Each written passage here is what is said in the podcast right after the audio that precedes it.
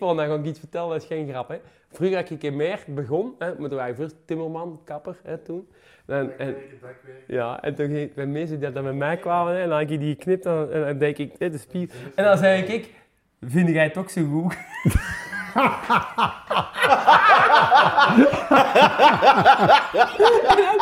en die durfde geen nee zeggen.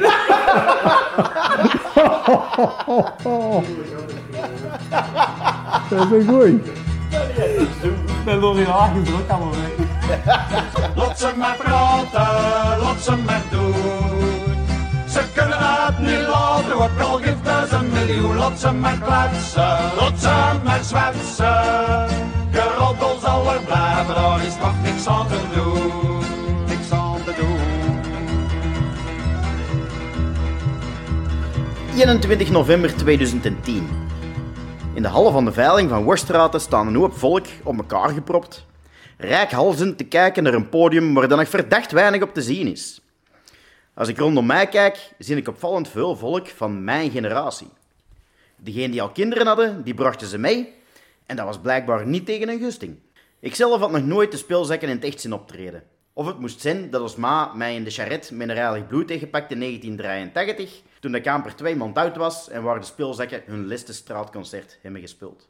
In 2010, 27 jaar later, zaten hun liedjes in mijn DNA. Via de jeugdbewegingen en jeugdhuizen werden in de beginjaren van het nieuwe millennium de gekopieerde cd's kwistig verdeeld. Toen ik in 2003 ging studeren in Antwerpen, de eerste keer, sloot ik mij aan bij studentenclub Noordcampus, die elke campus luidkeels de koningin van Worstraten inzette als een clublied. En dus stond ik daar te wachten. Op podium stond een bakfiets. Een bakfiets die plots openging en een knokige verschijning die traag en verkrampt eerst een arm door de opening stak en er dan met horten en stoten uitklom. Het was op dat moment dat ik mij realiseerde dat ik niet zomaar naar een optreden stond te kijken. Zelfs niet in een show of naar een theater. Ik maakte deel uit van een beleving. Bij mij kwam het gevoel op dat het best te vergelijken valt met de verwondering die je voelt als je als kind door het sprookjesbos van de Efteling wandelde. Vroeger, toen de draak nog echt was en dat je Roodkapje moest waarschuwen dat ze zeker niet naar binnen mocht gaan bij haar grootmoeder. Ik heb dan ook niet het gevoel dat er hier in de kapperstoel vandaag bij ons een mens zit, maar eerder een mythe. Of nog beter, een Kempische volkssage. Een bokkenrijer misschien. Maar misschien toch vooral een speelzak. Lot ze maar praten, lot ze maar doen. Ze kunnen het niet laten, ook al geeft een miljoen. Lot ze maar kletsen, lot ze maar zwetsen. Chef Mertens, welkom. Goedenavond. Dank u wel. Welkom. Tof dat jij in onze stoel zit. Ja, als jij mij een haar afdoet, dan is dat zo, hè. Ja, dat gaan we toch proberen althans. Hè. Zeg maar, eh, ik heb zo'n traditionele vraag waar ik altijd mee begin. Hoe had je het graag gehad? Heel weinig eraf. Elke pijl op mijn kop is goud waard op mijn ouderdomse, dus zo weinig mogelijk eraf en een beetje terug in model, hè. En waar de content vorige keer? Boah. Oké, voor de reclame moeten we het al niet doen, nee, podcast. Hè? Ja, we staan dat er geknipt kan worden. Nee, nee, het was oké. Het was dik in orde, daar zou ik hier niet terug zitten. Ah, ja. ja, ja, dat is waar. Chef, ik was aan het denken over toen dat optreden van de speelzakken in de veiling. En, en, en, en, en dat idee van dat verhaal van, van, van het een bakfiets klimmen en zo, dat, dat sprookjesachtige. En het kwam eigenlijk in mij op, toen ik die podcast aan het voorbereiden was, dat ik, ik heb het gevoel dat dat een manier is waarop jij naar de wereld kijkt. Ook. Zo, na ging het over muziek, wat een deel van jouw leven is geweest. Eh, je hebt muzikanten, laten we pakweg zeggen een Tony Wet, de zoon van Charles Wet, een steengoeie gitarist. Ik denk bij de 1% beste gitaristen dat ik ken. Technisch zo onderlegd dat je erin kijkt en denkt, die bespult een gitaar, gelukkig dat ons vrouwen allemaal geren zo hebben dat wij hun bespulden.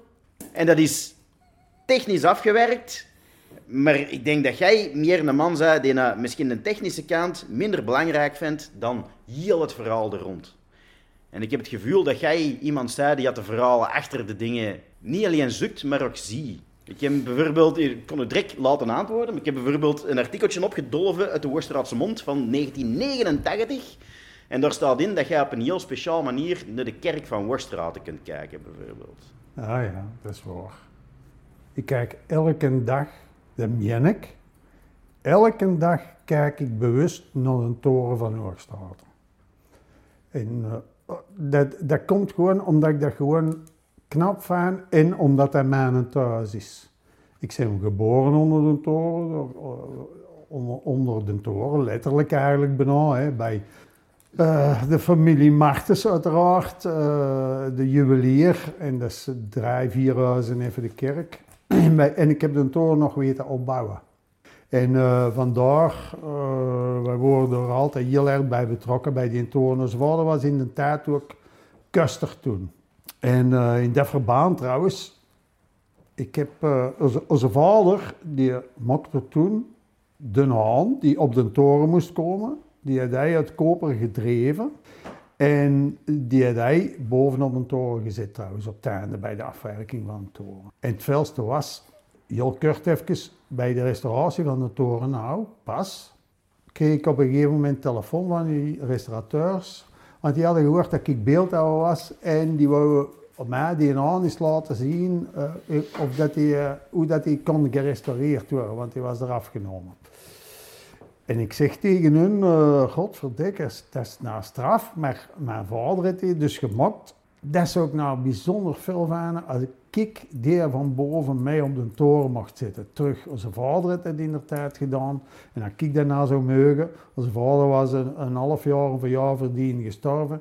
Ik zeg, dan is de cirkel eigenlijk echt rond. Ja, En ik heb dat toen mogen doen en dat was fantastisch. dat geloof ik. En dan kijk er nog met een andere gedachte naar een toren elke dag naar. Ja, ja, dat is zo. Eh, ik vind dat gewoon een, een, eh, een beeld dat werk. eh, Ik, ik zeg altijd, dat is gelijk een, een, een boer beneden onder de Matterhorn die elke dag naar de Matterhorn kijkt en die zegt van, wat een chance heb ik toch om hier te wonen. Ja, en, en ik heb dat met een toren. Maar ik denk dat je zo het verschiet is, hè, voor mensen dat dat hebben, hè, die, als ik bijvoorbeeld naar Frankrijk ga en ik kom terug, en eh, ja, dat is dan meer dan duizend kilometer rijden, en je ziet dan de kerktoren van Hoogstraten staan, Ja, dan zijn we thuis, hè. ja. ja Hè? En ik heb dat bijvoorbeeld ook als ik zondags gewoon fietsen. Ja, meestal hangt dan de, mijn tong ergens tussen mijn kader als ik er al niet over gereden ben. En als ik dan de kerktoren zie, dan krijg je zo terug een beetje energie om die laatste meters nog te doen. Zij het naar Hoogstraten of zij het naar het café. Maar ja. je, je hebt wel het gevoel van, we zijn er bijna. Ja, ja, dat is zo. Eh, als ik mijn kleinkinderen van, van Brugge, die wonen in Brugge, als ik die ga halen, dus altijd, eh als wij Hoogstraat halen, onder eerst de toren zien. Dat, dat wordt erbij, hè. Ja, maar dat is toch Ik, fantastisch. ik hè? leer die ook uh, lekens van de speelzakken om Hoogstraats te leren, want die kennen geen Hoogstraats Ja, nee, nemen. nee, nee, nee, nee, nee. En daarom moeten die van mij lekens van de speelzakken leren. Maar dat, dat is wel een beetje jammer, hè, dat de jeugd in het algemeen dialect, dat is bijna not done, hè. Ja, kijk, alles op zijn tijd zeker. Ja, Ik denk niet dat dat iets bewust is. Hè? Dat, eh, ja toch wel, zeg Gert. Ik heb altijd gezegd, we- vanaf dat ik bengels heb, zo, eh, dat zei ik toen ik een jaar of 18 was. Hè. Mhm. Als ik bengels zou hebben, dat, je hoort dat dikwijls zo, meestal vanaf als ze bengels hebben, beginnen ze AN tegen hun kinderen te praten. en dan zeg je altijd, ik ga dat niet doen. En dan zijn die bengels geboren en het eerste wat je doet is daar AN tegen beginnen praten. Dus, dat is raar eigenlijk. denk ik. Ja, dat is wel waar. Ik, ik heb het zelfs wat afgeleerd, omdat ik eh, voor mijn werk op, op de Nico, eh, ja, moest ik altijd, of wou ik, moesten eh, altijd AN praten. En zonder dat het beseft, leerde het op de duur zelfs een beetje af. Ja. Alhoewel ik nog altijd heel gevoelig ben om eh, zo echte schoon woorden, like verinnerweren of verbollen monden of zo. Dat soort dingen, dat, dat, dat probeer ik dan heel bewust ook te gebruiken soms. Maar te strak trouwens, uw, eh, uw inleiding van de speelzakken maakte wel indruk, moet ik zeggen, eerlijk gezegd. Want zelf beseften wij dat helemaal niet. Hè. Dat is, wij waren er eigenlijk ook maar half op voorbereid zelfs. Ik, ik eh, spreek er even vanuit die bak komen. Wel dat wij, ik denk, een kwartier voordat we opgingen, hebben, hebben wij dat beslist van dat zo te doen. Voordien waren we daar eigenlijk niet echt mee bezig. Het grappige is wel dat dat ook een beeld is wat ik er nog van weet. Ah Ja, dat ja. weet ik ook nog. Ik weet ook nog, heel vaag misschien wel, maar ik heb precies in mijn achterhoofd of in mijn alleszins in mijn beleving heb ik ooit een speelzakken nog gezien op de vrijheid. Ja, Maar dat kan misschien ook wel, natuurlijk, ja, het is wat Gert zegt, hè, op een gegeven moment is het de mythe. Hè. Ja, we gaan dat niet overdrijven. Ja, maar dat is niet overdreven, denk ik.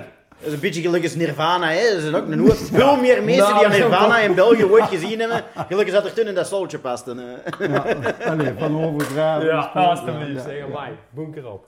Nee, nee, maar eh, het is wel tof natuurlijk. Ik, we zijn er toen ook wel heel erg van verschoten. Hoeveel jongeren nou bijvoorbeeld nog meezongen. En als je op dat podium op de veiling stond, ik, ik moet u zeggen, dat was wel een unieke belevenis. hè, Want dat kwam hard binnen. Ze. Ik, ik was er bijzonder van onder de indruk. Wij hadden 30 jaar nimmer met de speelzakken opgetreden.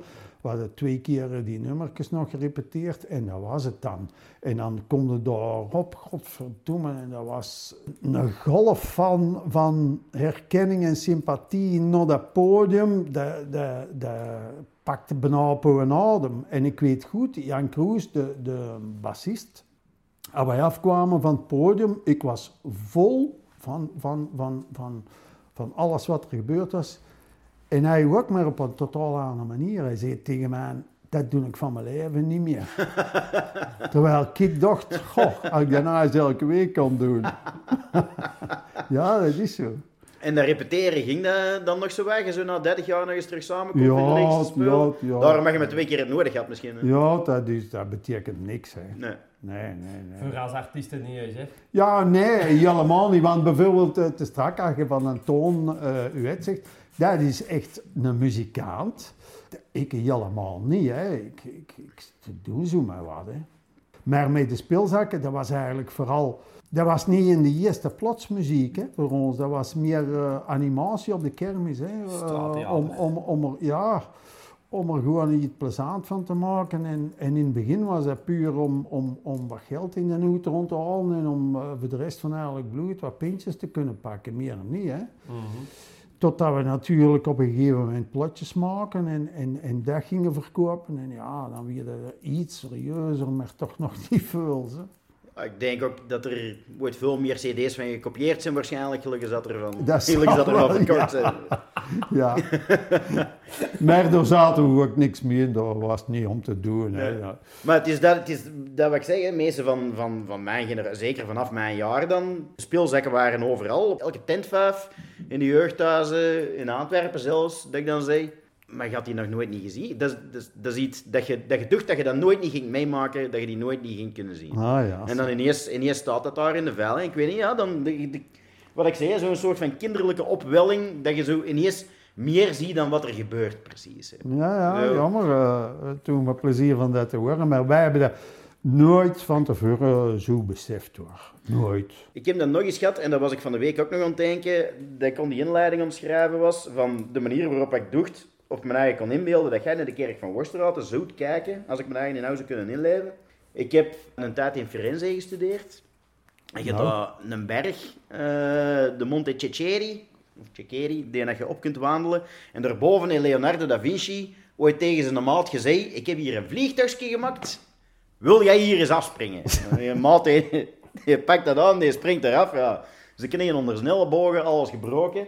Maar in alle geval, ik stond daar bovenop. En beneden in het dal, hoe wijd dat je het eigenlijk maar amper ziet, was dan het voetbalstadion van Firenze. En Fiorentina was daar juist om het shotten.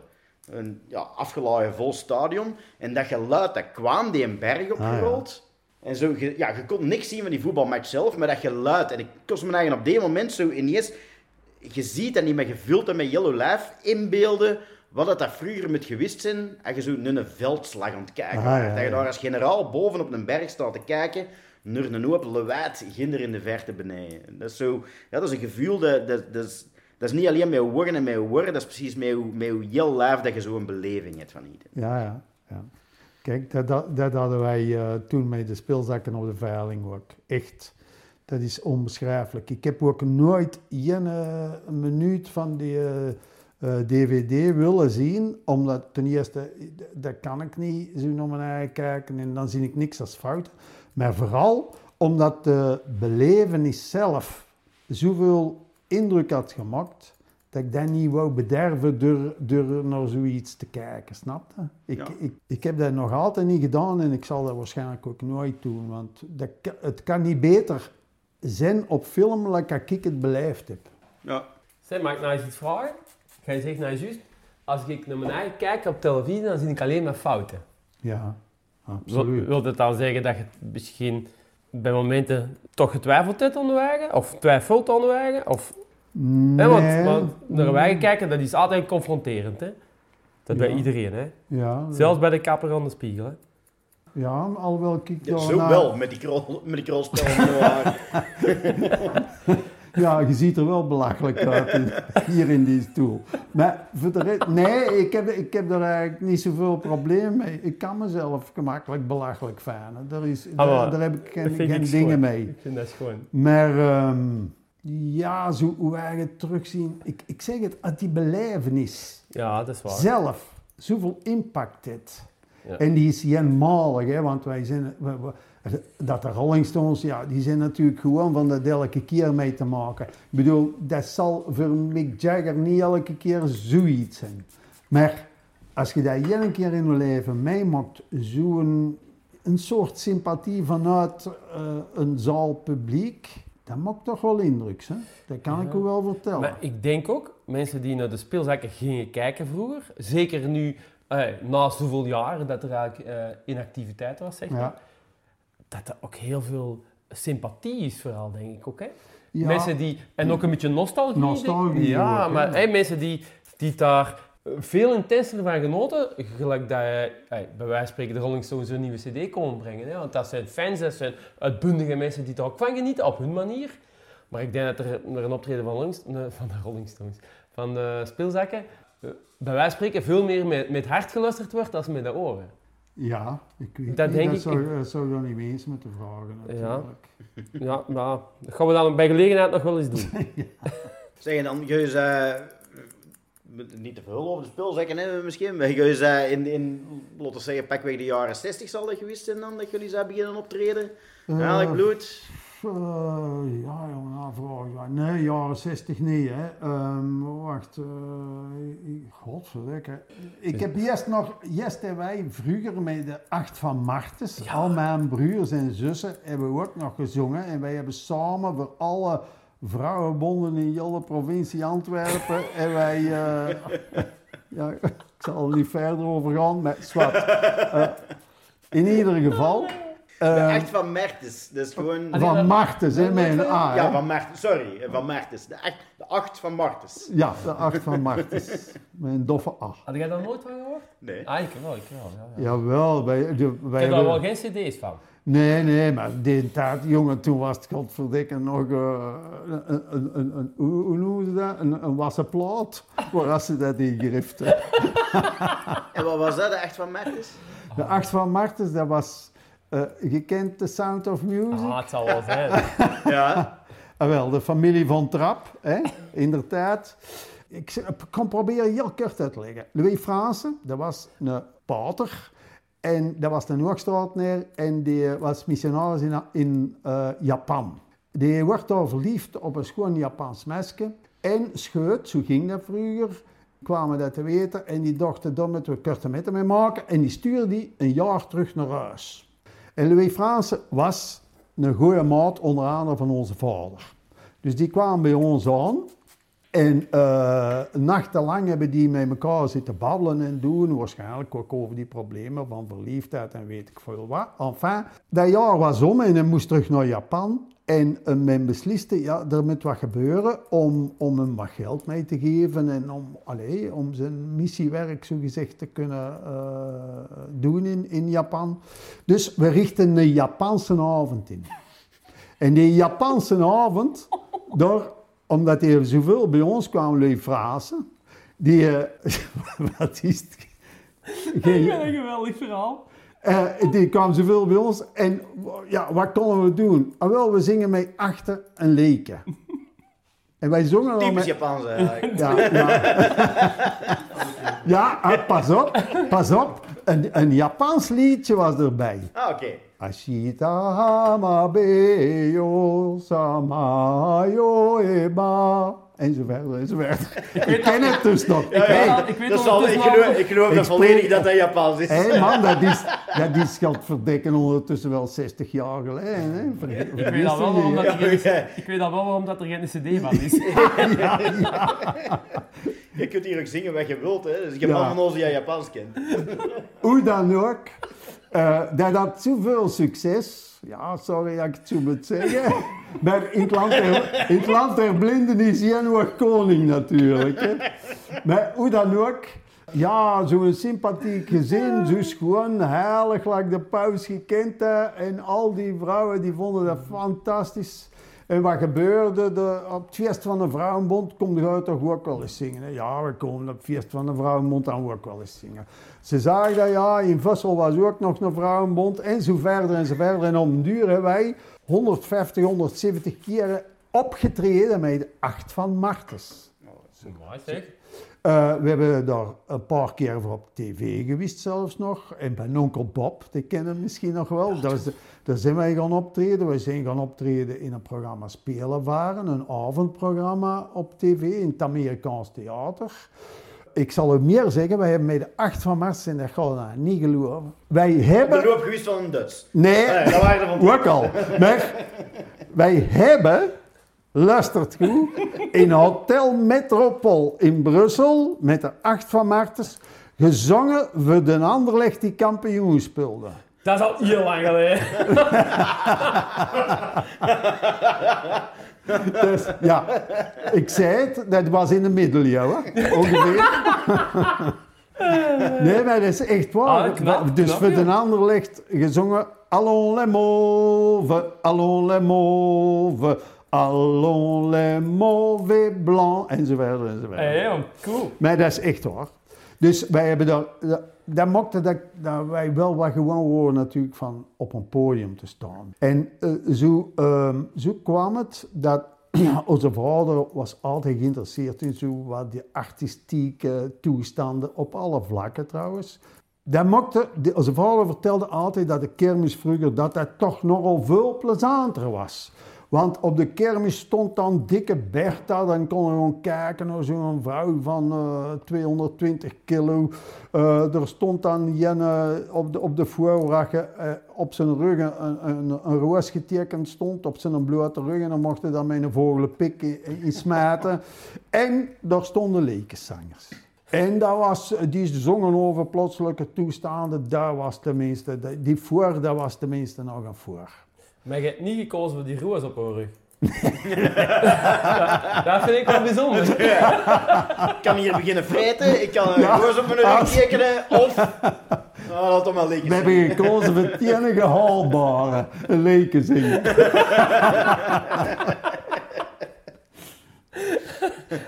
en zo begon dat dus gewoon, dat was gewoon echt onnozeliteit, meer nee. We deden daar eigenlijk niks. Ik, ik heb al dikwijls gezegd, ik heb voor weinig in mijn leven zo weinig moeite gedaan, like voor de speelzakken. Maar er is niks waar ze mij zoveel over aanspreken. Dat is echt waar. Maar dat is niet toevallig, hè? Ja, dat weet ik Nee, niet. nee, dat is niet toevallig. Ik ben ervan overtuigd dat je iets goed kunt. Dat kan zijn zingen, dat kan entertainen zijn, dat kan... eh, Haarknippen zijn, hoop ik. Ja, maar ik wil zeggen, dat gaat vanzelf. Iemand die iets goed kan, dat gaat vanzelf. Ja, weet je wat ook was? Wij trokken ons er juist niks van aan. Hè. Ja. Of eh, hoe goed of hoe slecht dat, dat was, dat kon ons toch niks schelen. We stonden er met wat paljas uit te hangen. en ja, maar dat lukte. En er kwamen heel veel mensen op den duur speciaal voor een eigenlijk bloed. Maar ga ik misschien ook alles zelf bij. Ja, ja. Het is niet dat jullie eigen dat nou met heilig bloed het. Ik snap dat dat anders is. Na met heilig bloed stonden er wagens en de, ah, er werden- podiums gebouwd, er werden muziekinstallaties gehuurd. En je werd eigenlijk ingehuurd als band voor te komen spelen. Ah, ja, Dan snap nee, nee, ik dat, dat je niet zomaar nee, nee. Kunt doen. Nee, nee, nee, nee, dat was toen natuurlijk niet. Hè. Daar er was niks op de voor, hè. niks. Hè. Maar dat geeft, ook wel, dat geeft ook wel een bepaalde vrijheid. Hè? Dat je niet Ja, ja. onder contract staat, zullen we zeggen. Maar wij, Vrijheid op de vrijheid. Wij hebben verschillende keren eh, door de Gerde eigenlijk aangemaand om, om van Ah. de vooraf te gaan. Hè? Want ze betrouwden het eigenlijk niet, Nou, hè. dat wij daar stonden te zingen. En- Om- omdat je te kritisch zou worden dan? ja, onder andere. Naar de politiek Zo- of ja, naar de kerk? zoiets, ja. En, en de Gerden heeft, verschillende, heeft ons verschillende keren komen stilleggen. Maar dan, wij, wij deden gewoon vurt. Ik bedoel, dat kon ons eigenlijk niet schillen. En er stonden zoveel mensen altijd rond. Ja, ik kon eigenlijk ook niks doen. En wij deden eigenlijk ook niks verkeerd. Maar dan begon hem daarover over te zeveren dat wij geen leurderskaart hadden en zo. Wat wat natuurlijk ook niet was. Maar langs de andere kant, ja, dat betekende niks. Dat betekende gewoon niks. En elk jaar stonden wij er terug. En dan zijn we dan toch niet meer vurt gegaan met muziek. Eh, het is te zeggen, eh, ieders van ons heeft nog wel eh, met muziek verder gegaan. We hebben dan later met de speelzakken eigenlijk Cardo Saxi opgericht. Cardo Saxi was een, een soort rockgroep. Ehm, en Cardo Saxi is eigenlijk min of meer de vertaling van speelzakken in het Latijn. Cardo Saxi. Daar hebben wij dan dat was echt eh, totaal iets anders natuurlijk. Eh, strak broekje aan, doorschijnend hemmetje, haar omhoog. Ja, ja, eh, Free Love in de Fusie. Ja, voilà. Ja. In de hoop dat je achter het podium ook nog wat vrouwenvolk ons zou ontmoeten, dat viel zwaar tegen, maar zwart. Maar hoe dan ook, en dan, ja, na vandaag zing ik eigenlijk nog altijd, eh, ik schrijf nog altijd liedjes, maar ik doe dat op een heel andere manier met Charlie Witt, mijn, eh, mijn eh, goede maat. Maar laten we zeggen, dat zijn meer chansons, luisterliederen, eh Nederlandstalig, of vertalingen van, van eh anderstalige schoon nummers. Maar dat is heel rustig en dat is niet voor u jongen. Het is wat het is. allee. Zeg maar, zou het geen idee zijn om bijvoorbeeld eens eh, nou, bij een andere gelegenheid, hè, zo eens een podcast te maken over de speelzakken alleen en dan nu bijvoorbeeld... En is Je moet dat- geen is optreden, dat- geen optreden hè? En is dat elke keer haar knippen voor mij? Ja, ja, ja verniet, verniet jong, verniet. Ja, je moet misschien wel een liedje zingen, dat kan. Ja, ja, dat is zo, ah, we spreken af, Jeff, we spreken af dat ik aan haar verniet knip en jij zingt een strofe van de Erbismo van Noorstraten voor onze podcast. Je kunt, de rest, Oh. je kunt de rest meepakken en dan zal de Ja. Geert jullie allemaal knippen. Ah ja, dat kunnen we ook nog doen hè. Het moest er eens van komen. Die, zijn al, die zijn al geknipt. Vleugel, vleugellam gemaakt in de Gerde. wegens, wegens geen leurderskaart. Ja, Hoe stond die hier? Het is van toemonalig bloed. ja, ja. Zeg maar, zo moeten we het hebben over het convent misschien. Over het Begijnhof. Ja, daar valt zeker nog wel... eh, Ja. Als, ik, als ik mij niet vergis, en jij ooit tegen mij verteld dat jij niet, ay, een van de, of misschien wel de initiatiefnemer zei die oorspronkelijk gestart is met het convent. Of toch tenminste de aftrap heeft gegeven. Ik ben ermee gestart. Maar zeg misschien eerst eens wat het begin of is. Want ik denk, jij ervan uitgaat dat alle man die hier in de lust van Worstraten is een Gert. Is er, is er nog iets buiten voor staan? Ja, die zijn we ook al kwijt. Oké, oké.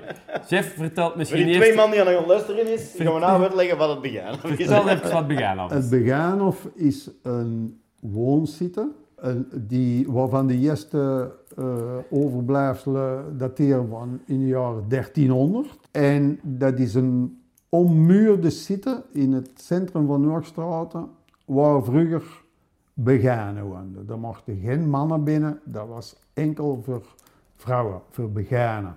En beganen waren, laten we zeggen, om het makkelijk te stellen, een soort nonnen. Maar die hadden wel niet de gelofte van armoede en de gelofte van, eh, hoe, hoe noemde dat? Kuisheid? Voilà. Daar, ja, daar weet ik zo weinig van dat ik het woord vergat. Maar in ieder geval, dus de gelofte van kuisheid had die niet, eh, niet afgelegd. Dus er zijn ook vrouwen in een ommuurde eh, Omgeving. een omgeving die Ja. dat niet de gelofte van kaasheid hebben afgelegd. Maar, en maar- dan mag je maar- geen mannen maar pas op, zo- zolang, zolang dat ze daar binnen waren, waren ze wel kuis, want er waren ook geen mannen. En over de Nee, dat spreken niks, we nog dat wil niks niet. zeggen. Nee, nee. Dan Maar- vraag ik me eigenlijk af, want dat gangetje naar de Gelmostraat er is, bijvoorbeeld, en die poort naar de Bosstraat, dat moet toch een reden hebben. Dat moet een reden hebben, maar ja. Dat is niet voor mannen binnen te staan. ik, ik was er toen nog niet bij. Laat dat duidelijk zijn. Maar in ieder geval, eh, altijd- dat maakt dat op een gegeven moment, het begaan of dat we hier uh, rokte vervallen. Wanneer is de les te begaan daar? De les te begaan, dat moet iets geweest zijn in de jaren 60 is hij gestorven. Ja. Maar dat is toch, nog niet zo lang geleden. Maar ehm, toen is dat begaan of in handen gekomen van het OCMW, want na het OCMW, je toen de Commissie van Openbaar en Onderstand. En die huisjes werden vanaf toen eh, eigenlijk voor een habbekrats verhuurd aan mensen die het verder niet goed konden betalen. Dus aan arme mensen of aan gezinnen die, die problemen hadden met een woning te vinden. Maar ook dat verloederde ondertussen. En in de jaren 90 kwam het zover dat het stond zo goed als leeg. En er waren een paar heel grote stormen geweest. En het begaan was zo goed als eh, alle pannen waren eraf gevlogen. Enfin, het was geen ruïne. En wat gebeurde op een gegeven moment? Ja, wat moesten ze daarmee doen hier midden in het centrum van Noordstraten? En er stem- gingen stemmen op om dat dan maar ineens plat te gooien en daar nieuwe wooнгelegenheden, dat zou een tussen aanhalingstekens chique woonbuurt kunnen geworden zijn. En dan met kerken al plat, of hè? Nee, de kerk, daar- was eigenlijk nog geen sprake van, maar dan vooral de huisjes, om daar eigenlijk binnen die muren, dus eigenlijk een, laten we zeggen, voor de high life eh Zo'n gated woningen, community. eh. zoiets. En dan, ik had een artikel in de Oorstraatse Gazet, toen je dat toen ook geschreven, in 1990, over de Rijkswachtkazerne. Er woonden toen nog twee Rijkswachters. Maar dat was eigendom van de gemeente Oorstraten. Een, Mag, mag ik eens iets vragen? ja, Hebben er ooit mensen gewoond in de Rijkswachtkazerne? altijd. Serieus? Ah ja. Was dat een huis waar Rijkswachters woonden? Ah ja. Ah, serieus? Dat Ja. wist ik niet. Ja, ja, Wist je dat? Ik woon in de buurt. Hè. Ja, Ja? ja, ja. Er hebben altijd rijkswachters in gewoond met gezinnen. Eh, maar in ieder geval, dat gebouw geraakte ook min of meer onderkomen, laten we zo zeggen. En de Rijkswacht kreeg een ander verblijf. Dus dat gebouw kwam leeg te staan, een groot gebouw, waar dat van voor tegen de vrijheid zit. En ik zat al lang te dromen van een cultuurcentrum in Noordstraat. En ik had een artikel geschreven in de Hoogstraatse Gazet van de plaats voor een cultuurcentrum in Noordstraat te maken is in de Rijkswachtkazerne. Je zit tussen de horeca, je zit in het geloop van de vrijheid. Ik ga naar het Schepencollege op Er een is nog wel een tijd over gedroomd, over eh, het cultuurcentrum in Woerstraat. Ja, ja, Je bent al- niet de geweest. al van in de jaren 60. In ieder geval, je zult zeggen wat dit er nou begaan of te maken. Maar ik was daarmee bezig. Ik had een heel verhandeling geschreven, een nieuwjaarsbrief gestuurd aan het stadsbestuur en aan alle culturele verenigingen van Noordstraat over dat idee van een cultuurcentrum in de Rijkswachtkazerne. Want dat was eigendom van de gemeente Hoogstraat. Maar op een gegeven moment beginnen ze hier natuurlijk te praten over dat begaan of voor ze niet wisten wat mee doen en dat ze dat misschien gingen neergooien. En mijn verantwoordelijkheidsgevoel begon op te spelen en dat zei van, ja maar hoe kan ik eigenlijk ijveren voor een cultuurcentrum en terwijl dat begaan of onder mijn neus laten verbollen monden om naar dat woord toch eens te gebruiken. Er waren een aantal pistes om dat begaan of te redden, zogezegd. Maar meestal waren dat allemaal ontwikkelaars voor eh, woongelegenheden en noem het verder op. Met allemaal eh, commerciële doeleinden natuurlijk. Op een onbewaakt moment, of hoe moet ik het zeggen, op een moment van eh hoogmoed, heb ik een brief geschreven aan het stadsbestuur om mij kandidaat te stellen namens VZ2 het convent, dat helemaal niet bestond, om het begaan of te gaan restaureren. En ik had daar als eerste Luc de Bakker voor aangesproken. Luc de Bakker die hier toen een winkel had van kleding in, op de Vrijheid. Omdat hij er in Wortel voor gezorgd had dat de boerderij van, ja, die stond op de grote plaats, dat die boerderij in de jaren 60 naar eh Bokrijk is verhuisd. Die hebben ze komen afbreken. En dat is, die, die, die schuur staat na in Bokrijk. De schuur van Wortel, dat is na het, het ontvangstcentrum of, of allee, het, het, Ja, zo- eh, waar- de receptie is. ja. Of, ja. Dus de Luc had daarvoor gezorgd. En ik dacht, die verkoopt kleren en die zit er warmjes in. Eh, dus, want we hadden geld nodig, uiteraard. En ik had geen geld. Dus samen met de Luc zijn wij dat gestart. En hebben wij gedaan alsof er een heel uh, VZ2 achter zat en er was nog niks. En zijn wij direct beginnen met mensen aan te spreken. Harry van der Pas die de meulen had gekocht en, en gynaecoloog was, dus die zat er ook wermjes in, dacht ik. Toch diep in? Uh, ja. ja, zoiets. Dat kan zijn, maar... Zullen we daarop verder gaan? dat is misschien interessant.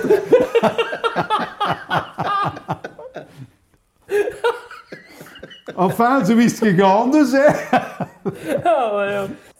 Dus je hebt daar hey, eigenlijk... Uh... Nee, en daar hebben we uiteindelijk, uh, uh, laten we nou eerlijk zijn, een krachttoer uitgehaald.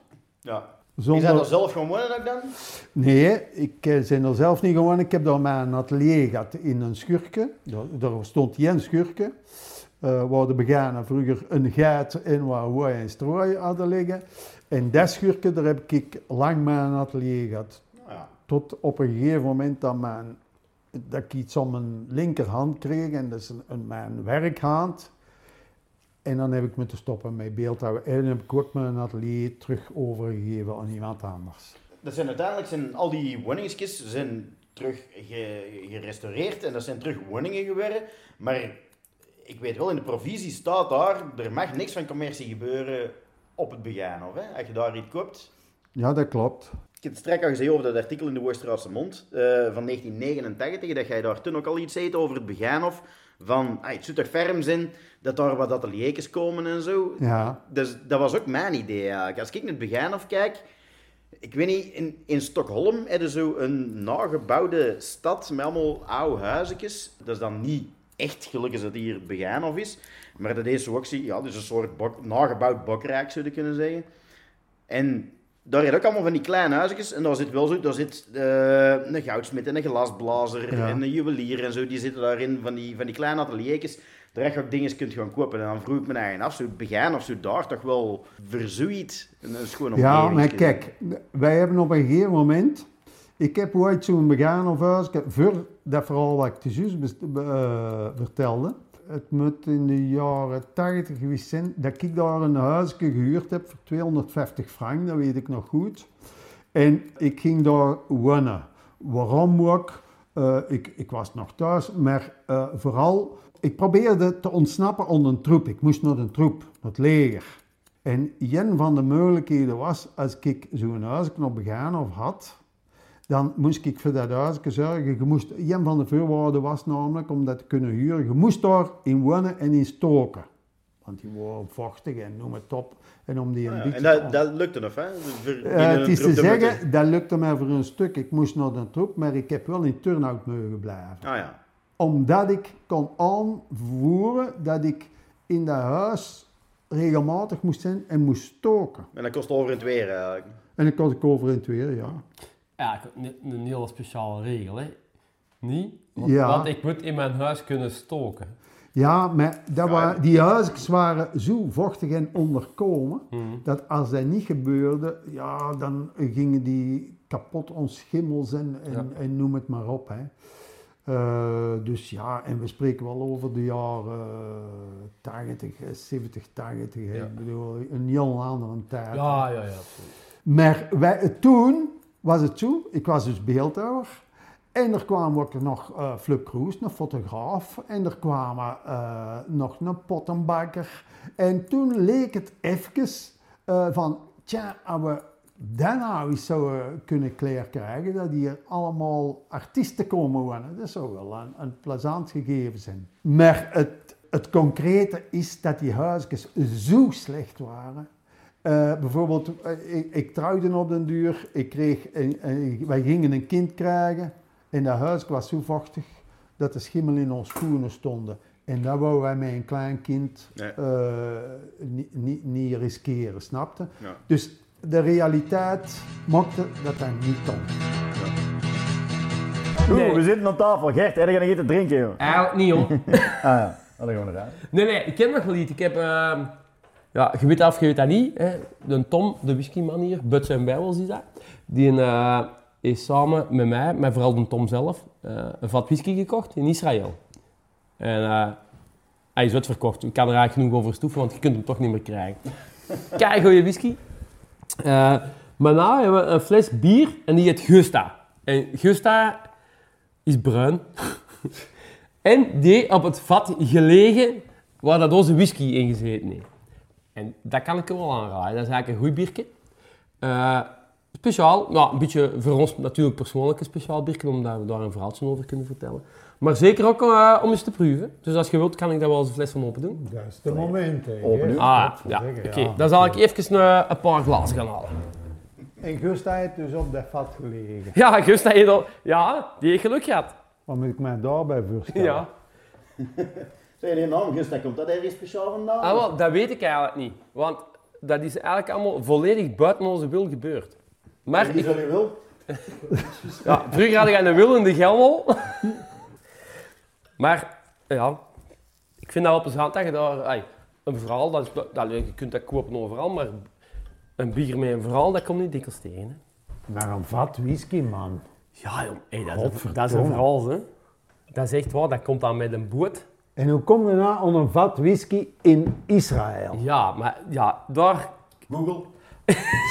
Nee, je doet ja, Google en dan doe je vat whisky en dan shoppen. Maps, Google Maps en vat whisky. Stel wij laten eens proeven van Ja, dat bier. maar- ja. Maar nou weten we welke uur is Ja, maar ik kan even stopdrinken, want dat bier, dat mag ook niet gekoeld zijn, dat is ook wel goed. En waarom mag dat niet gekoeld zijn? Omdat dan de smaken meer eh, naar boven komen. Ah. Wordt mij verteld. En proefde er dan, ja we gaan het proeven, maar zit er nog wat whisky flavor? Ja, ja, je gaat dat direct proeven. Ja, ja, zeker. Zeg, Alleen mannen, laten we Ja. eens klinken op, eh op, op eh, Gusta. op- ja, dat ze van de vat is.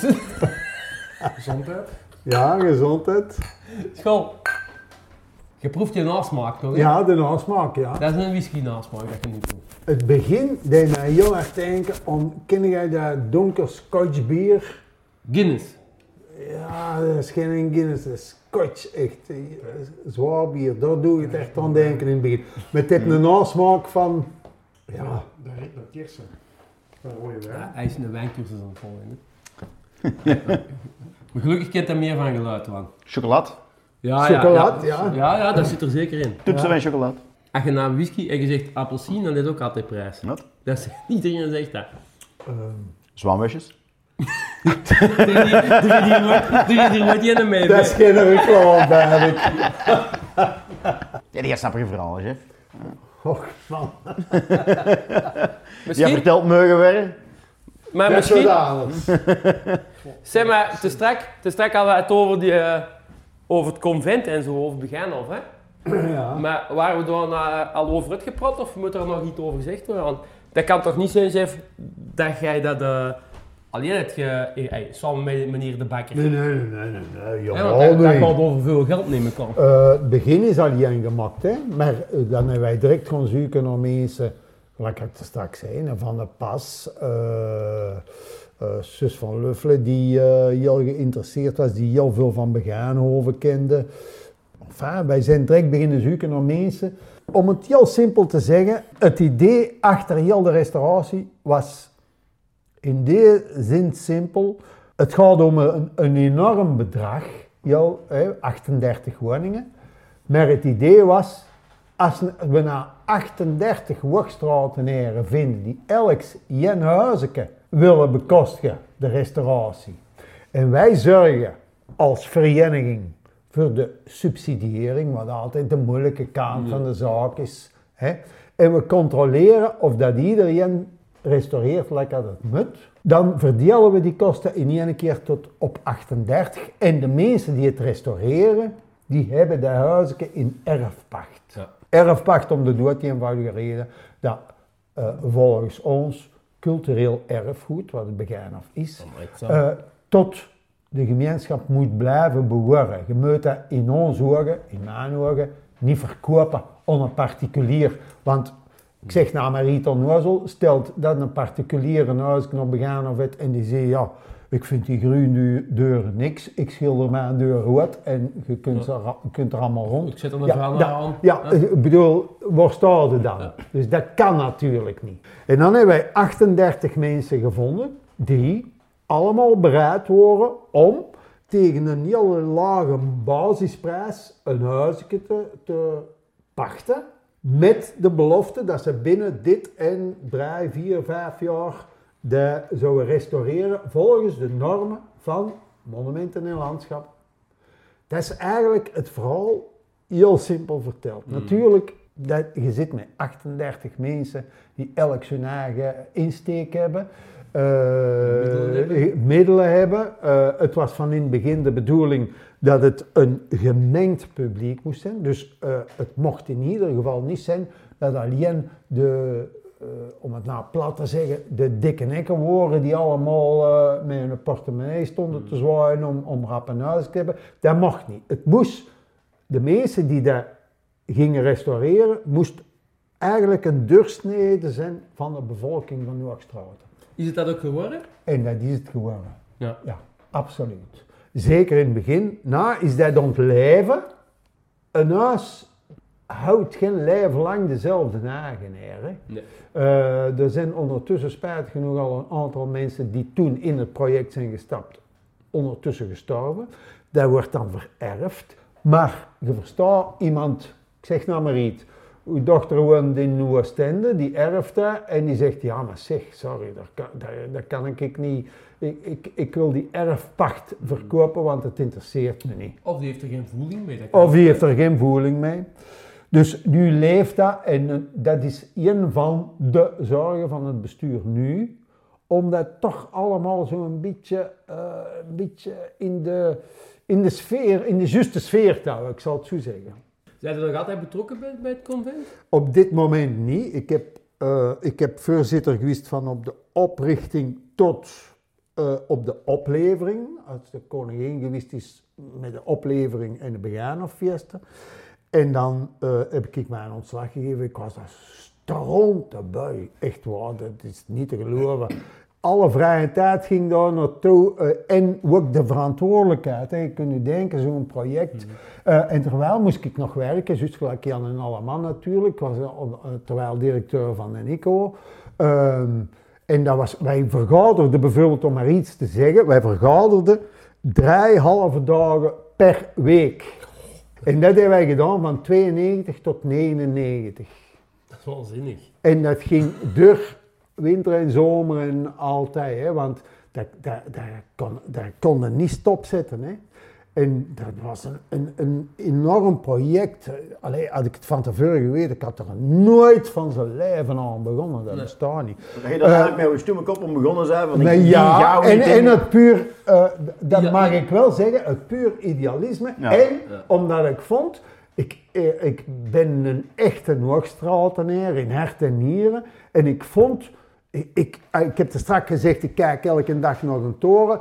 Ik, dat kun je niet maken, dat dat Begaanhof, wat ondertussen trouwens werelderfgoed is, UNESCO werelderfgoed.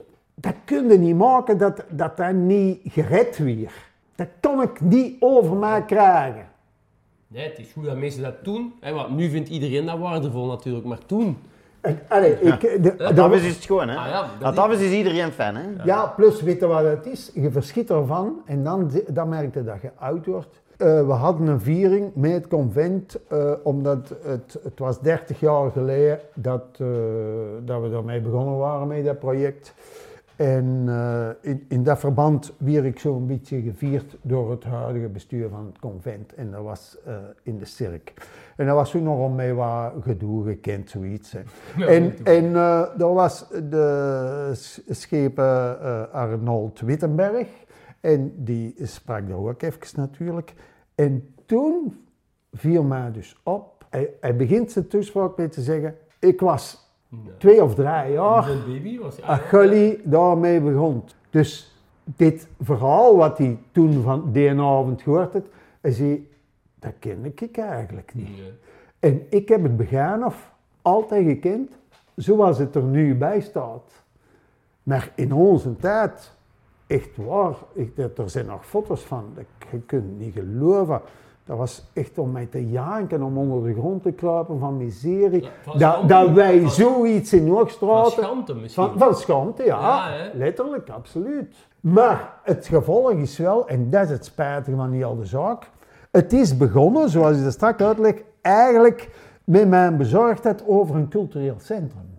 Ik wou absoluut een cultuurhuis in Hoogstraten. Daar is het mee begonnen. Ik heb dat on hold gezet toen, omdat dat begaan of ertussen kwam. Ja. Maar na het begin af was ik zo tot de ballen op van, van, van wat je er allemaal van moest doen. Ik zeg, man, wat krijg je allemaal? En wij daarmee begonnen, ze lachten ons vierkant uit achter onze rug. En die onnozele Martens, een beeldhouwerke van Jan en Kloot. En het zelf geen arm om onze gaten krabben. En die zal er eens beginnen aan een project dat in de honderden miljoenen gaat afvangen dan. Hè, toen, hè. ja, ja. Maar, en zo was het ook inderdaad. Dus eh, ik kan u daar verhalen van vertellen, jongen, van eh, wat ze achter mijn rug allemaal verteld hebben, geacht het niet voor mogelijk. Maar natuurlijk, vroeg of laat komt u dat te horen en dat geeft u nog meer ballen om er tegenaan te gaan natuurlijk. Van, wat denken die onnozelaars? Ze, gaan- Die- die ze, gaan- besef mij. ze gaan nog aan, ja, maar ze gaan nog aan het slapen. Ja, ja, maar- ja, ja, ja. eh, andere dorpen mogen het ons nadoen. Hè. Ondertussen hebben we, en dat is trouwens ook nog een van de verdiensten van het convent, het wortelkolonie. Mhm. Hè. De mars op wortelkolonie, dat deed het convent georganiseerd. Hè. Ja. Dus, en dat is ook werelderfgoed. Ja. En wat dorp kan er eigenlijk nog in België zeggen dat ze op hun grondgebied twee werelderfgoeden Geen hebben? Vriestewagen. Stad. Ja, stad, ja. Allee, ik ben daar enorm fier op, maar tegelijkertijd zeg ik altijd, ik kan er niet onverdeeld gelukkig mee zijn. Ik heb het begin of, ik heb alles gedaan voor het begin of, maar ik heb uiteindelijk niet bereikt wat ik wilde bereiken, namelijk een cultuurhuis of cultuurcentrum in Hoogstraat. En dat cultuurcentrum, dat moest hier in 1965 al gestaan hebben, snap je? Als En je de zijn- boekhouding eens opmaken, dan heb je dat opgebracht en dat gekost. Hè. Dat, Ja. Het heeft toen begin of opgebracht en Ja. cultuurhuis. En we staan nog verder dan ik gedacht had van een cultuurhuis. Laten we het nou eerlijk zijn. Ik bedoel, sorry, we hebben nog geen cultuurhuis. En we zullen maar moeten afwachten hoe lang het dan nog duurt. En als we het dan hebben, hoe zie je het er dan uit? Wat betekent dat dan? Ehm, want het is natuurlijk ook niet alleen dat gebouw. Er, moet een, een heel ideeëngoed achter zitten natuurlijk. En waarom is dat voor jou zo belangrijk, de cultuurhuis? Wel, omdat dat voor mij de reden is waarom ik leef. Cultuur en cultuurbeleving. Ja, dat meen Dat is een grote uitspraak. Ja, maar, dat ik, meen ik. maar ik vind dat knap, hè, want het is goed, hè? Ik ben zo groot geworden. Onze vader en onze moeder die hebben ons altijd gestimuleerd. Ik ben op mijn eh 16, 17 jaar op kot gegaan in Brussel om naar Sint-Lucas te gaan om beeldhouwer te worden. Ja. Nou, in, in 69 was dat. Timmerman of Metzer was Eh, evidenter. Hè? Ja, ik wil maar zeggen, ja, eh, Maar- eh, maar niet zoveel, met- zoveel volk hadden niet die Nee, dat nee. mochten van thuis Maar- om, om dat te doen. Maar wij, dat was wel zo. Omdat mijn vader, en, en te straks met de speelzaak kwam ook even gesproken, die, die was geweldig geïnteresseerd om dat soort toestanden allemaal. En je vond dat fantastisch. Zo eh, mannen die op de voor stonden te zingen en, en, en, en kunstenaars. Ja, zijn vader was eigenlijk in hart en nieren een kunstenaar, de grootste van ons allemaal thuis. Echt waar. Maar natuurlijk, acht kinderen, er moet, eh, er moet gewerkt worden, er moet geld binnenkomen, eh enfin, noem het maar op. Dat was niet evident. Nou, eigenlijk zijn jij ook wel een beetje een, een pionier in Noordstraat. Hè? Want ik, jij zo daar bijna, ah, denk ik, de eerste kunstenaar in Noordstraat die ervan geleefd heeft. Nee, nee, nee, nee.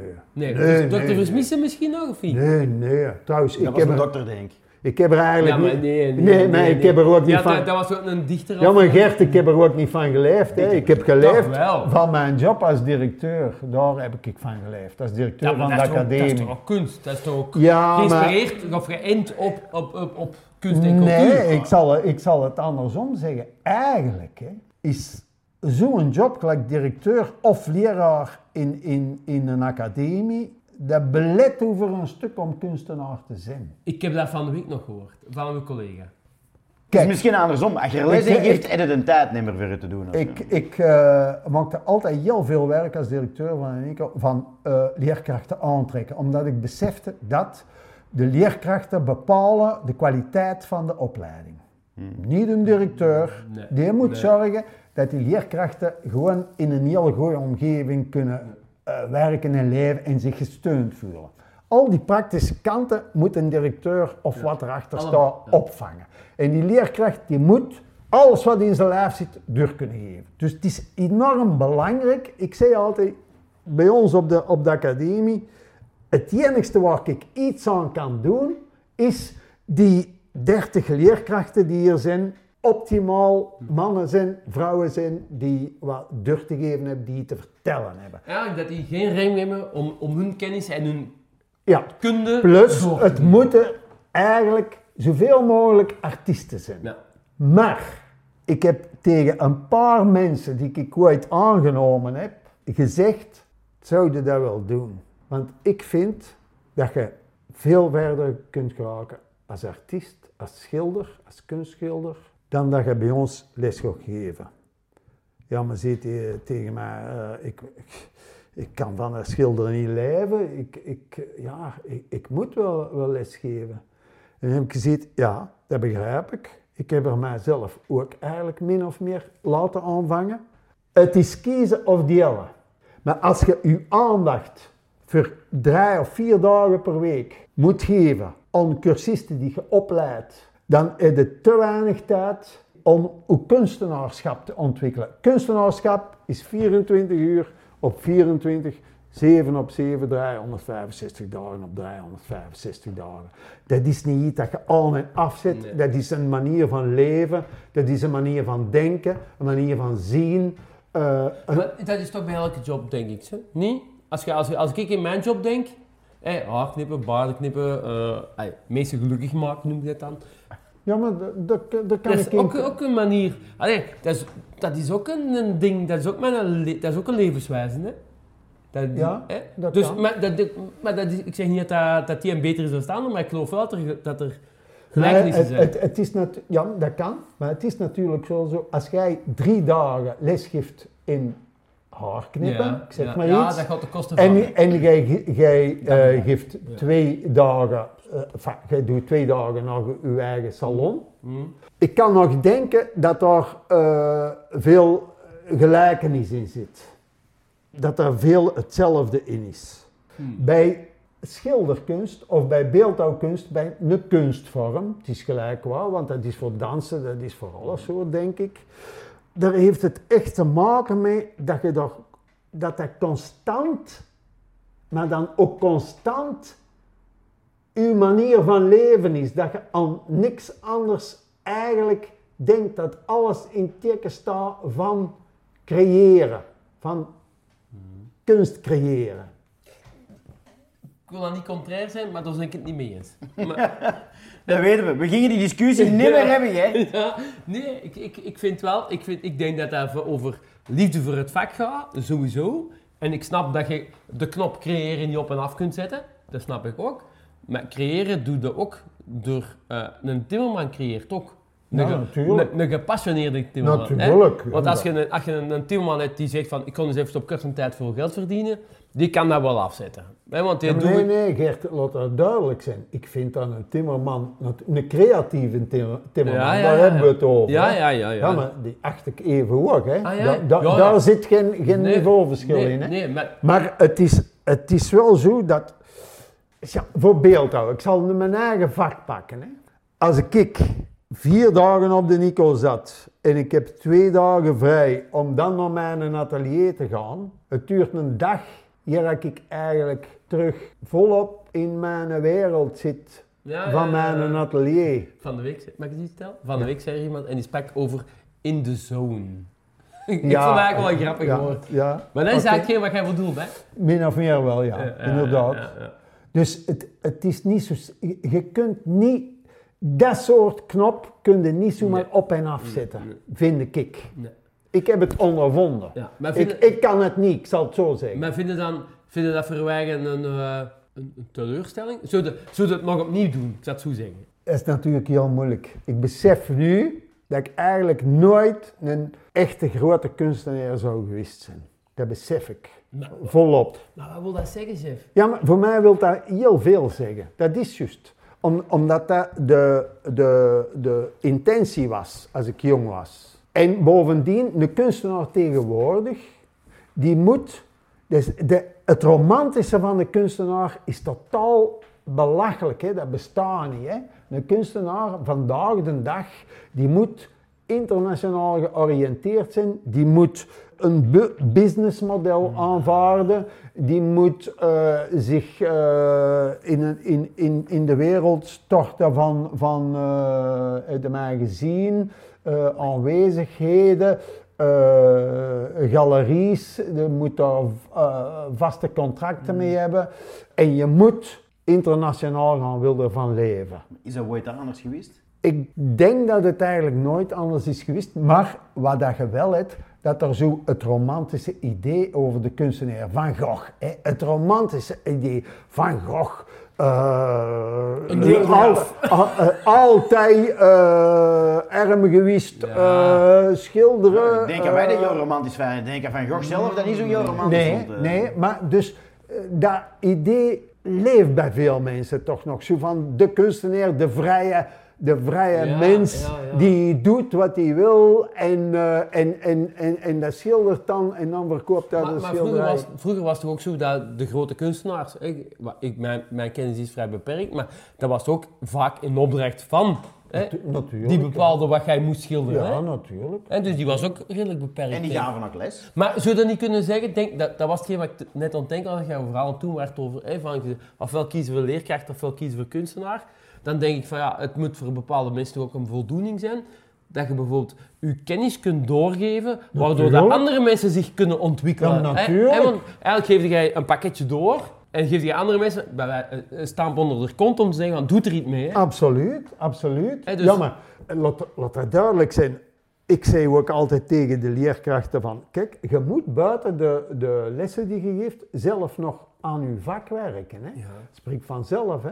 En tegen de cursisten zei ik in het begin van het schooljaar, en dan moet je dan veel cursisten vragen, luistert, je zei hier, voor je eigen ontwikkeling, zuigt alles wat je kunt uit die leerkracht. Holt er alles uit wat dat erin zit. En wat jij er nog bovenop kunt leggen, dat is pure winst. Dus maar ja, die leerkracht, dat moet een persoonlijkheid zijn, die moet iets te vertellen hebben. En dus moet hij buiten zijn, zijn, zijn eh, lessen ook zelf nog werken. Ook al was het maar om de techniciteit van het beroep ook te blijven opvolgen en zo verder en zo verder. Oh, dat lastig voor, eh, voor met pensioen te gaan, voor het over te geven? Niks. Nee. Nee, absoluut niet. Ik was er helemaal op voorbereid. Het is zo gegaan. eh, ik ging op pensioen op een bepaalde datum, op het eind van het schooljaar. Eh, en ik had van tevoren eh, de laatste week heel een bureau. eh, enfin, ik heb gewerkt, ik keihard gewerkt tot de laatste vijf minuten. Toen was er een viering voor, ja, voor mijn afscheid te vieren natuurlijk. En ik heb tijdens die viering al mijn sleutels van de Nico aan de volgende directeur, de Luc Dox, gegeven. En ik ben er nooit meer binnen geweest. Behalve met de tentoonstelling Mijn Eigenlijk Bloed natuurlijk. Om, ja, om de collega's nog eens eh, te gaan bezoeken en te kijken natuurlijk. Maar ik heb me nooit meer gemoeid. eh, allee, nee, eh, het was van de ene op de andere minuut was dat voor mij afgelopen. Het principe ook? Principe. Ja. Maar ik heb dat precies al vaker gehoord vandaag. Hè, met, met, hè, ICO gestopt, nooit meer geweest. Convent, het is Ja. klaar, weg. Ja. Is Ja. dat zo kunnen we herkennen, zo wat je zegt van ik werk aan een project en dat is klaar en ik ben weg? Ja, absoluut. Speelzakken, lessen optreden in 83 en dan duurt 30 jaar voor eh, Ja, maar nee, dat is inderdaad zo. ehm, vooral met de Nico en het convent. Eh, ik vind dat ongezond dat je daar dan blijft rondhangen. Ja, ik snap dat. Want ik had er maar een atelier nog en ik had... Ze hebben me zelfs verschillende keren achteraf teruggevraagd van, zou je toch niet terug bij het bestuur komen? En ik heb het altijd afgewimpeld en gezegd, nee, hè. ik vind dat niet gezond, Nee. sorry. Eh, voor de ik organisatie en voor de wagen ook Voor niet, de hè. organisatie niet, en maar vooral ook voor mezelf niet. En nu ben ik met pensioen hè, en ik, ben, ik, ik heb dus nooit in een zwart gat gevallen. Hoewel ik hard gewerkt heb, vind ik zelf als directeur van een ICO. Eh, maar ik, ik heb nadien nooit in die, dat zwart gat gevallen. Ik heb, ik heb mij nooit verveeld. En ik heb ook nooit gedacht van, godverdomme, ik zou dat nog, nog kunnen doen hebben in de Nico. Nee, nooit. Ehm En wat vult u dagen dan na? hè? ah, vrijheid. Vrij. De vrijheid? Of? De vrijheid en mijn vrijheid. Ik ben, eh, ik ben daar nog elke dag dankbaar voor, voor de vrijheid die ik nu geniet, ook in mijn kop. Eh, ik kan na 14 dagen een een tekst schrijven voor een nummer en niemand eh, roept mij de verantwoording of, of, of ik, ik moet gewoon niet. niks doen. Ik, ik ben ook, eh, en niet dat ik dat promoot, maar ik ben bij geen enkel vereniging gegaan of zoiets. eh, om, om, omdat ik weet dat ik, eens dat ik erin stap, dan smijt ik mij ook weer 100%. En ik wilde vooral die vrijheid. Ja, dat Ja, dat ik. begrijp ik. Dat Dus nou, nou is het gewoon de rust, alles mag, niks moet. Ja. En wanneer denkt u dat we weer twee gaan jagen? Ja, dat is na, dat, En zo gauw dat er eh, de eerste steen gelegd wordt van het cultuurcentrum Denk, dan gaan we echt weer jagen. Dus ik tel juist dat ik totaal vrij ben. ja. En op een gegeven moment word ik gevraagd om deel te nemen aan de musical, aan de nieuwe musical. Ah. Vandaag, hè? Je weet het, hè? Ja, ja. Het groot, het groot, De- de het groot circus van het Klein Dat is Verdriet. eh, van, van, van eh An, hè? Ja. VZW Van die van de Gelmel eh, musical. Ja. Dat zijn die mensen van de Gelmel en van, ja, nu ga ik waarschijnlijk iets verkeerd zeggen, want ik kijk het altijd verkeerd. 18, 14 of 14, 18. 18, 14. Ja. En die hebben nu een, nieuw, een nieuwe musical. Die In ieder geval, op een gegeven moment vraagt Anne, spreekt Anne mij aan. Eh, kom die, het was op, hier op de Vrijheid, en het was goed weer, zit op een terras en Anne komt naar mij. Ik, ik was naar een, een koers komen kijken hier van de nieuwelingen of zo. Belgisch kampioenschap. Ja, Ja, van, ja. van klein Ik was er ook, maar mij hebben niet gevraagd. ah nee, want ik stond met, een, met zo'n eh, een, een fluo parking te regelen. Ja. En dat hadden ze toen nog Was ja, waarschijnlijk in de kolonie. Als zou Jist was tegengekomen, dan, dan je geld gehad. Wat dat niet doen, hè? ik zal gaan op tafel en ik krijg aan mijn voeten. Ah ja, oké. In ieder geval, dus eh, ik sta dan naar die koers te kijken en ineens spreekt mij aan en die zegt, zeg, we zitten daar op het terras in een bottel, kom jij er niet even bij zitten, want ik heb een vraag. Ja, Nou ja, kon ik daarbij zitten natuurlijk. hè. ja, zeker. Charmante Dus, verschijning. en zei eh, van, ja, we zijn bezig met eh, heel dat project, weer zo'n groot project. En ik wist van tevoren, eh, mee dat ze dat zegt, wist ik, die VZW pakt dat wel professioneel aan. En dat is voor mij heel belangrijk, dat moet ik erbij zeggen, dat vind ik heel belangrijk, want ik heb een hekel aan het puur amateurisme. Ik heb altijd met amateurs gewerkt in een eco, maar ik zeg, zeg altijd, een schilderij is niet plots goed omdat het door een amateur gemaakt is. Het schilderij is goed of het is slecht. Of het nou door een beroeps of door een amateur is gemaakt. Het is niet omdat het een amateur is dat het dan goed is. Dus dat uw normen lager liggen, wil ik zeggen. En dus aanvraagt dat, en ik weet, er zit een organisatie achter die dat professioneel aanpakt, het geheel.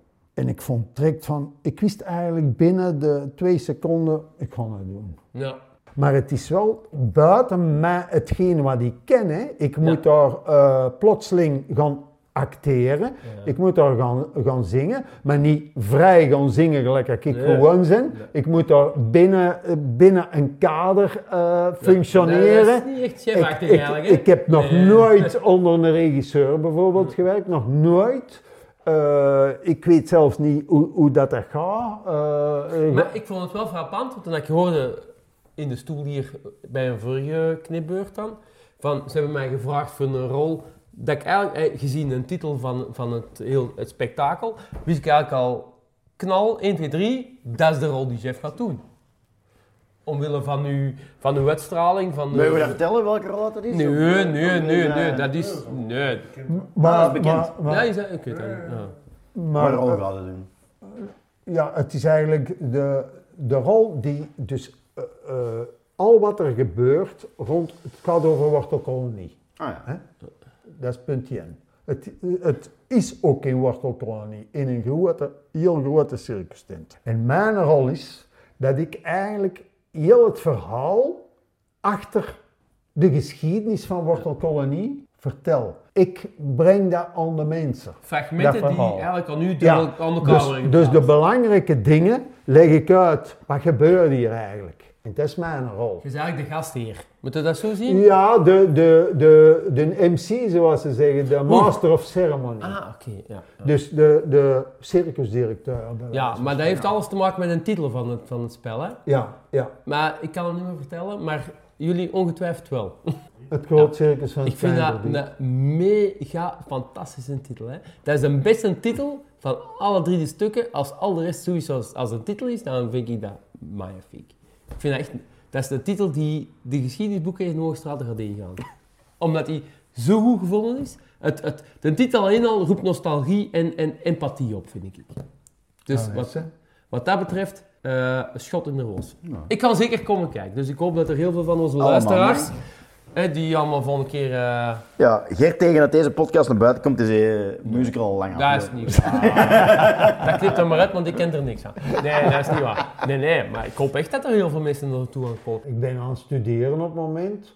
Iets waar ik echt heel veel schrik van had. eh, omdat ik... Ja, ik ken nog altijd zelfs bijvoorbeeld de lekens van de speelzakken niet van buiten. Dan stond ik te zingen en dan verloor ik mijn tekst en het publiek kende dat veel beter gelijk ik. Dus ik was heel bang van, godverdomme, ik heb ik hier zoveel tekst, dat ga ik nooit kunnen. Daar was ik heel bang voor. Dus ik ben nu begonnen, de regisseur, ik heb een ontmoeting gehad met de regisseur en die, die zegt zo tegen mij, ja maar pas op, eh, een repetitie met tekst in de hand, dat moet je zien als een mislukte repetitie. Dat, dat is niet echt een repetitie. Je moet, je moet dat zonder, zonder tekst in de hand doen. Dus zorg maar dat je met andere woorden op tijd begint. Op Dus- uw leeftijd. En Dus voilà, voilà. En ik ben er dus aan begonnen. En, en nu moet ik zeggen, ik krijg er meer en meer goesting in. En ik ken het verhaal dus ook allemaal nu. Ik leer zelf nog veel bij over de geschiedenis van wortelkolonie. Ja, ik, ja ik, ik, ik kijk er wel echt naar uit, maar het is een enorme uitdaging. Want mensen, ik, ik weet niet hoe dat, dat komt. Ze zeggen tegen mij, oh, maar jij gaat dat goed doen. Dat is helemaal niet zo evident. Voor mij is dat niet zo normaal. Ik moet er ook niet de speelzak uit stand Nee, te hangen. nee, hè. ik snap maar, maar, maar, Ik ja, versta wel maar dat het is een uitdaging. En dat is wel heel plezant. Ik zit daarna terug volop, plotseling, ja, heb ik daar enorm veel goesting in. Maar, maar je bent toch wel een figuur in Hoogstraat. Daar zijn wij toch wel bewust van, denk ik. Hè? Als, je, als je in Hoogstraat door de, de vrijheid zit wandelen... De mensen die iets of wat Hoogstraat en cultuur kennen, die kennen Jeff Mertens. Ik, ik denk alleen die van mij een ouderdom. Ik denk dat je dat niet moet overschatten. Ik, eh, ja, Ah, ik dat meen ik. ja, Als ik jou in 2010 niet op dat podium had zien staan, dan had ik u Niet nooit herkend Nee. als, als eh, Nee, nee. de rooie van de speelzakken. Nee. Nee, ik wel. Maar Ja, ik, ik weet in een tijd... In, ik hè? Ik heb, ja, ja, ik heb in een tijd er tegen jou gezegd, de eerste keer dat je in mijn stoel zat, dat ik zenuwachtig was omdat jij ging komen. Ja, dat is Dat natuurlijk... Heb, dat, heb ik, dat heb ik gezegd, hè. Dat is waar. En hoe komt dat? Dat komt omdat de... Ik kon nou overdrijven misschien. Omdat de Jeff Mertens van Oorstraat in mijn stoel komt zitten. Allee, allee, allee. En ik denk dat, dat ik dat niet alleen heb. Ik denk dat andere mensen dat ook Nee, hebben. nee, nee. nee. Maar dat, jawel, ik denk dat wel, Jeff. Ik denk dat je dat niet meer... Maar Het is wat. Genoeg gestoefd. Hè. Het bier Ja. doet niet. Ik, ik voel dat echt niet zo aan. Nee, laat, Nee, dat, dat is du- laat dat duidelijk Maar zijn. dat- hè. Want als Anna toen vroeg, dan was ik eigenlijk echt in de eerste plots gecharmeerd en vroeg ik me echt af nadien van, allee, waarom vraagt hij dat nou? Maar ik bedoel, ik, ik kon zelfs niet goed denken waarom dat hij daar, Ik wel. dat door mij vroeg. Ik wel, direct. Ik denk dat we hier onderaan kunnen afronden. Chef Mercé, eh, en wij gaan die een triple nog opentrekken, denk ik. Doe er mee. Zal er nog één drinken? Zijn Ik vind dat we het verdiend hebben. Als jullie hem nog open doen, dan drink ik nog. Dan Ja, gaan, dat dan hebben we. gaan we misschien eerst salut zeggen tegen de meesten en dan eh doen wij er nog geen mop in. Nee. Joe! Dan hoop ik dat ze er iets aan hebben. Ja, wij alleszins wel eens. Ja. Ja, we hebben toch wel lekker biertje gedronken. Ja, dat is plezant hè. Ja. Ja. Ja. Je weet wat ze dat bij ons zeggen? Ja, maar Je zet er eens mee weg. Je zet er eens mee weg. je zet er eens mee weg.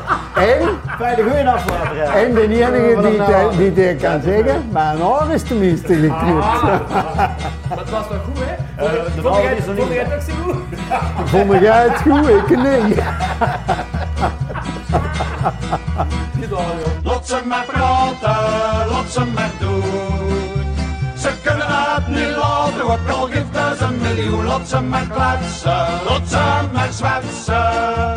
Geroddel zal er blijven, daar is nog niks aan te doen.